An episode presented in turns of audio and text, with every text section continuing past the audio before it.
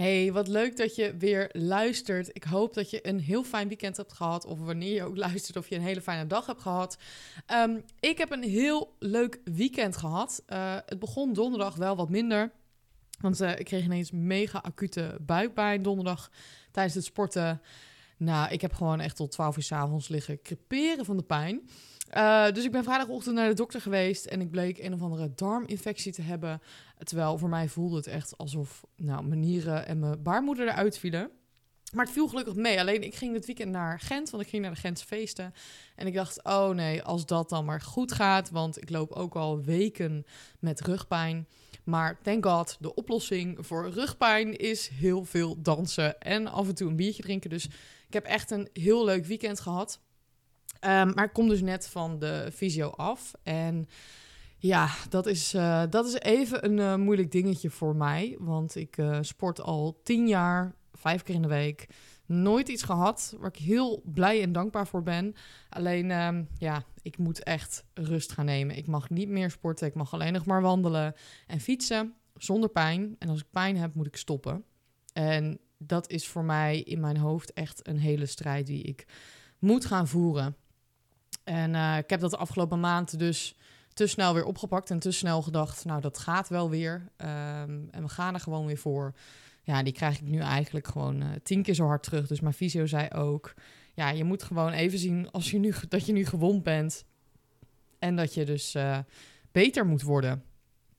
Super moeilijk. En ik merkte heel erg dat ik in een frustratie zat. Ik dacht van ja, maar waarom lukt het me nou niet? En uh, het is een hele verandering voor mij, omdat ik eigenlijk elke dag iets van sport doe.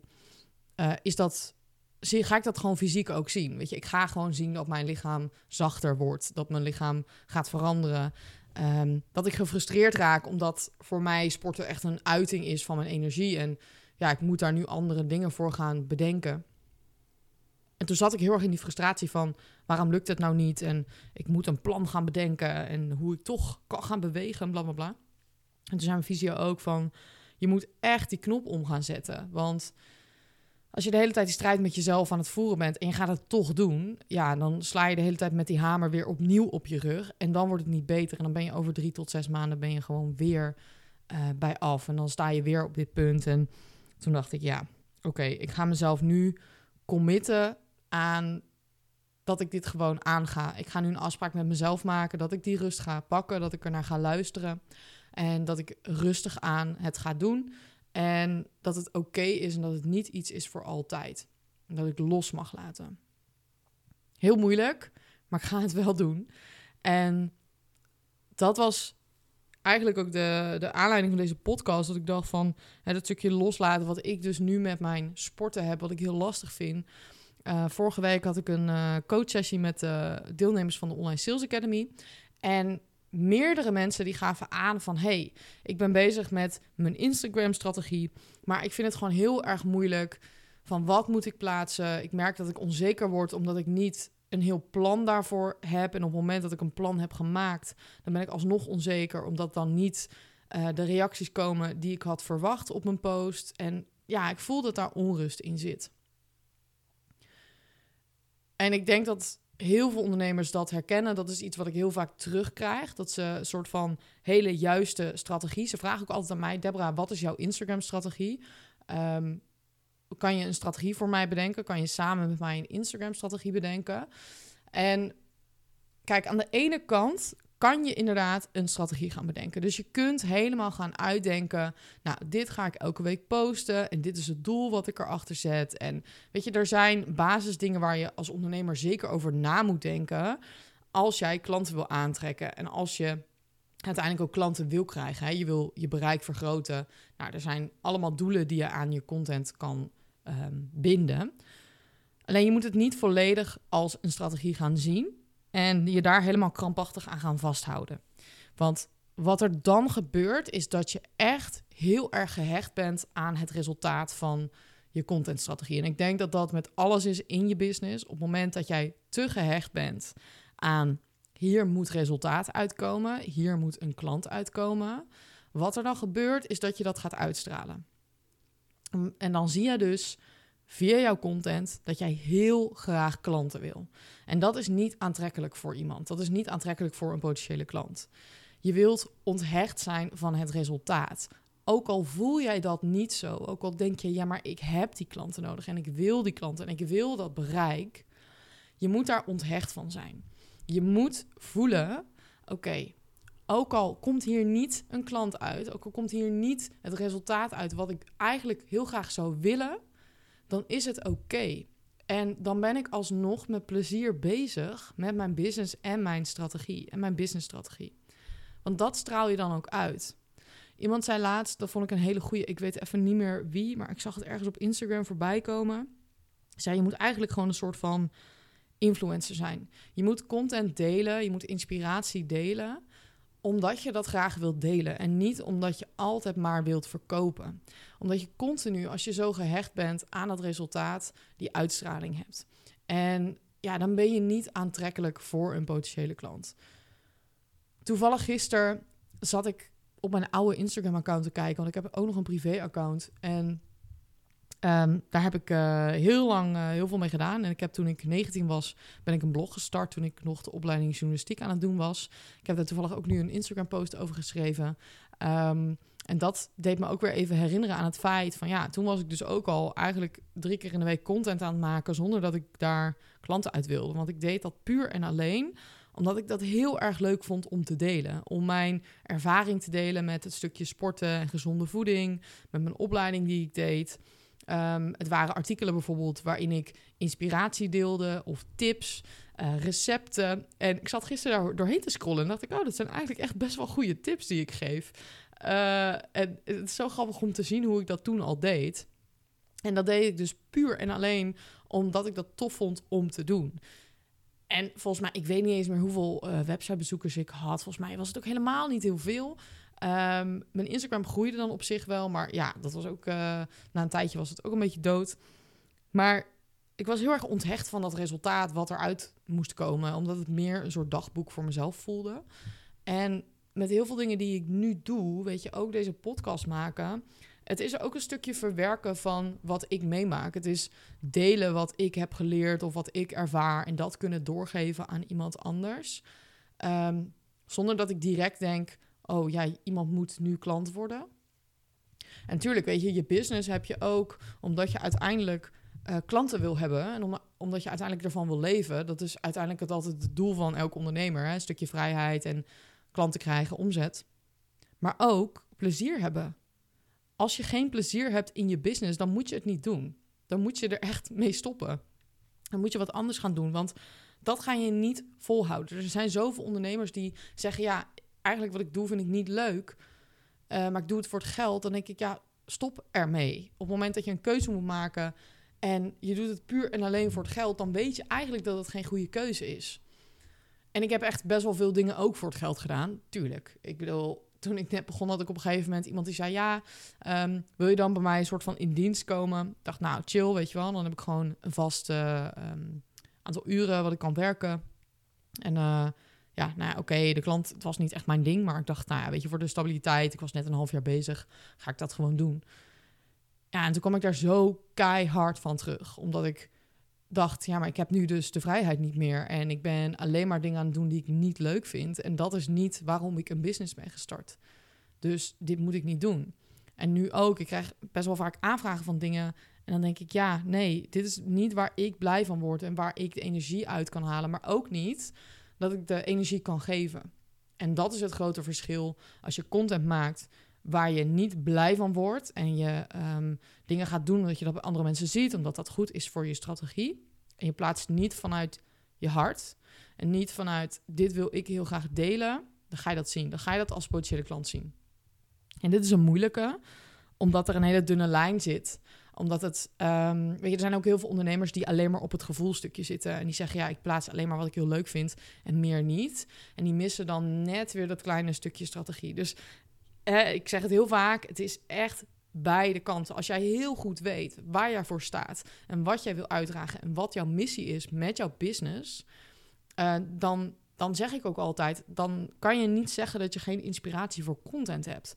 Want als jij echt doet waar je heel erg blij van wordt en je gaat daarvan aan, omdat jij weet dat wat je doet uh, heel goed is en je wil iemand anders daarmee helpen, dan heb je altijd inspiratie.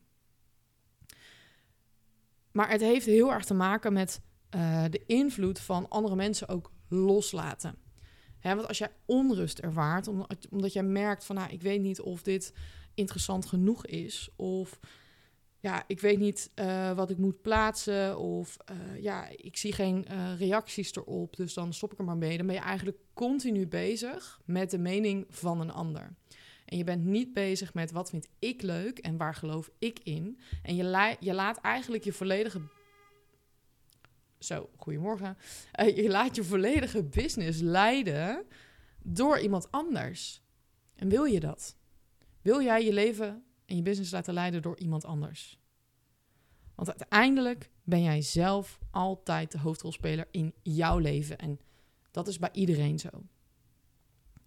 En toen ik dat doorhad, van hé, hey, niet iedereen is de hele tijd met mij bezig.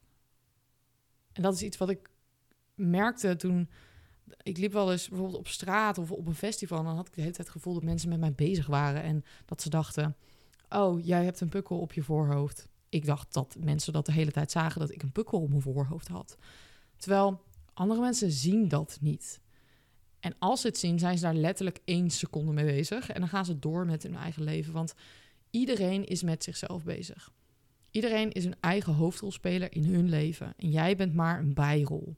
En als je dat accepteert en dat ziet, dan ga je gewoon veel meer dingen doen die jij wilt. Omdat jij denkt, ja, maar dit is mijn film, dit is mijn hoofdrol. En dat is ook wel een mooie als je dus nadenkt over je strategie voor Instagram of voor je business. Is dat een klant, een potentiële klant, ook alleen maar of vooral met zichzelf bezig is. Hè? Zij zijn bezig met hun leven en hun problemen. Dus speel daar ook op in dat jij content maakt die afwisselend ook hè, over een stukje over jou gaat, maar ook naar je ideale klant toe. Wat kunnen zij daarvan leren? Ik zag gisteren een hele mooie quote, die heb ik ook gedeeld op mijn Instagram stories. En de essentie daarvan is dat als je twijfelt of de content waardevol genoeg is, um, dat mensen altijd geïnspireerd zijn of jouw verhaal zien als een motivatie om te starten, te groeien um, of om ze te helpen. Ik zal me heel veel voorlezen. Whatever you do, don't stop going. Keep going what you do. People are inspired by you and see your journey as motivation to start, grow and help them get through. Laat dat een reminder zijn dat alles wat jij deelt iets doet. Want als niemand zijn struggles zou delen, als niemand zijn verhaal zou delen, dan hebben we heel weinig inspiratie om naar te kijken, omdat we dan het gevoel hebben dat we alleen zijn. Dat we er alleen voor staan en dat niemand anders onze ervaring deelt. Terwijl we zijn allemaal hetzelfde. Weet je, we hebben heel veel dezelfde ervaringen in ons leven. En dat besefte ik me op een gegeven moment, uh, toen ik wat meer struggles ging delen, dat ik heel veel berichten kreeg van, oh ja, hey, dit heb ik ook. Een goed voorbeeld is dat vroeger toen ik in de auto zat, toen ik een klein meisje was, toen als we lange reis gingen maken, toen ging ik altijd uh, naar buiten kijken. En dan ging ik zo met mijn vinger zo langs dat raam. En dan een soort van, ja, alsof ik over de bosjes en zo aan het vliegen was. ik kan het niet zo goed uitleggen, maar ik ben heel benieuwd of andere mensen dit ook uh, deden vroeger toen ze klein waren, toen ze in de auto zaten. Weet je wel, dat je zo naar buiten aan het staren was. En dan een soort van over de gebouwen en de, de bomen als een soort aan het vliegen was. En ik kreeg daar ooit een reactie op van ja, ik heb dit ook gedaan. En heel veel van dat soort dingen kreeg ik steeds vaker met hele specifieke ervaringen die ik in mijn leven had gehad of wat ik had gevoeld. En toen dacht ik ineens van ja, zie je wel, er zijn heel veel dingen die wij delen. Het is nooit dat je een soort van mega unieke ervaring hebt gehad die niemand anders heeft gehad. En dat maakt het wel dat je jezelf ja, misschien ook wel beter kan relaten, connecten met iemand anders. En dat is waar het vooral ook om draait als je natuurlijk kijkt naar de Instagram-strategie. Überhaupt je online presence. De meeste mensen kopen iets op gevoel. Die kopen iets van jou. En um, omdat daar veel meer emotie bij zit dan als dat niet zo is. En dat is een hele belangrijke als jij dingen gaat delen online, is dat die connecties maken, dat is gewoon, ja, ik zeg het altijd en ik wil het altijd weer benadrukken dat de focus leggen op connecties maken, dat gaat je zoveel meer brengen dan de hele tijd denken: ik moet kennis delen en ik moet aan een strategie vasthouden.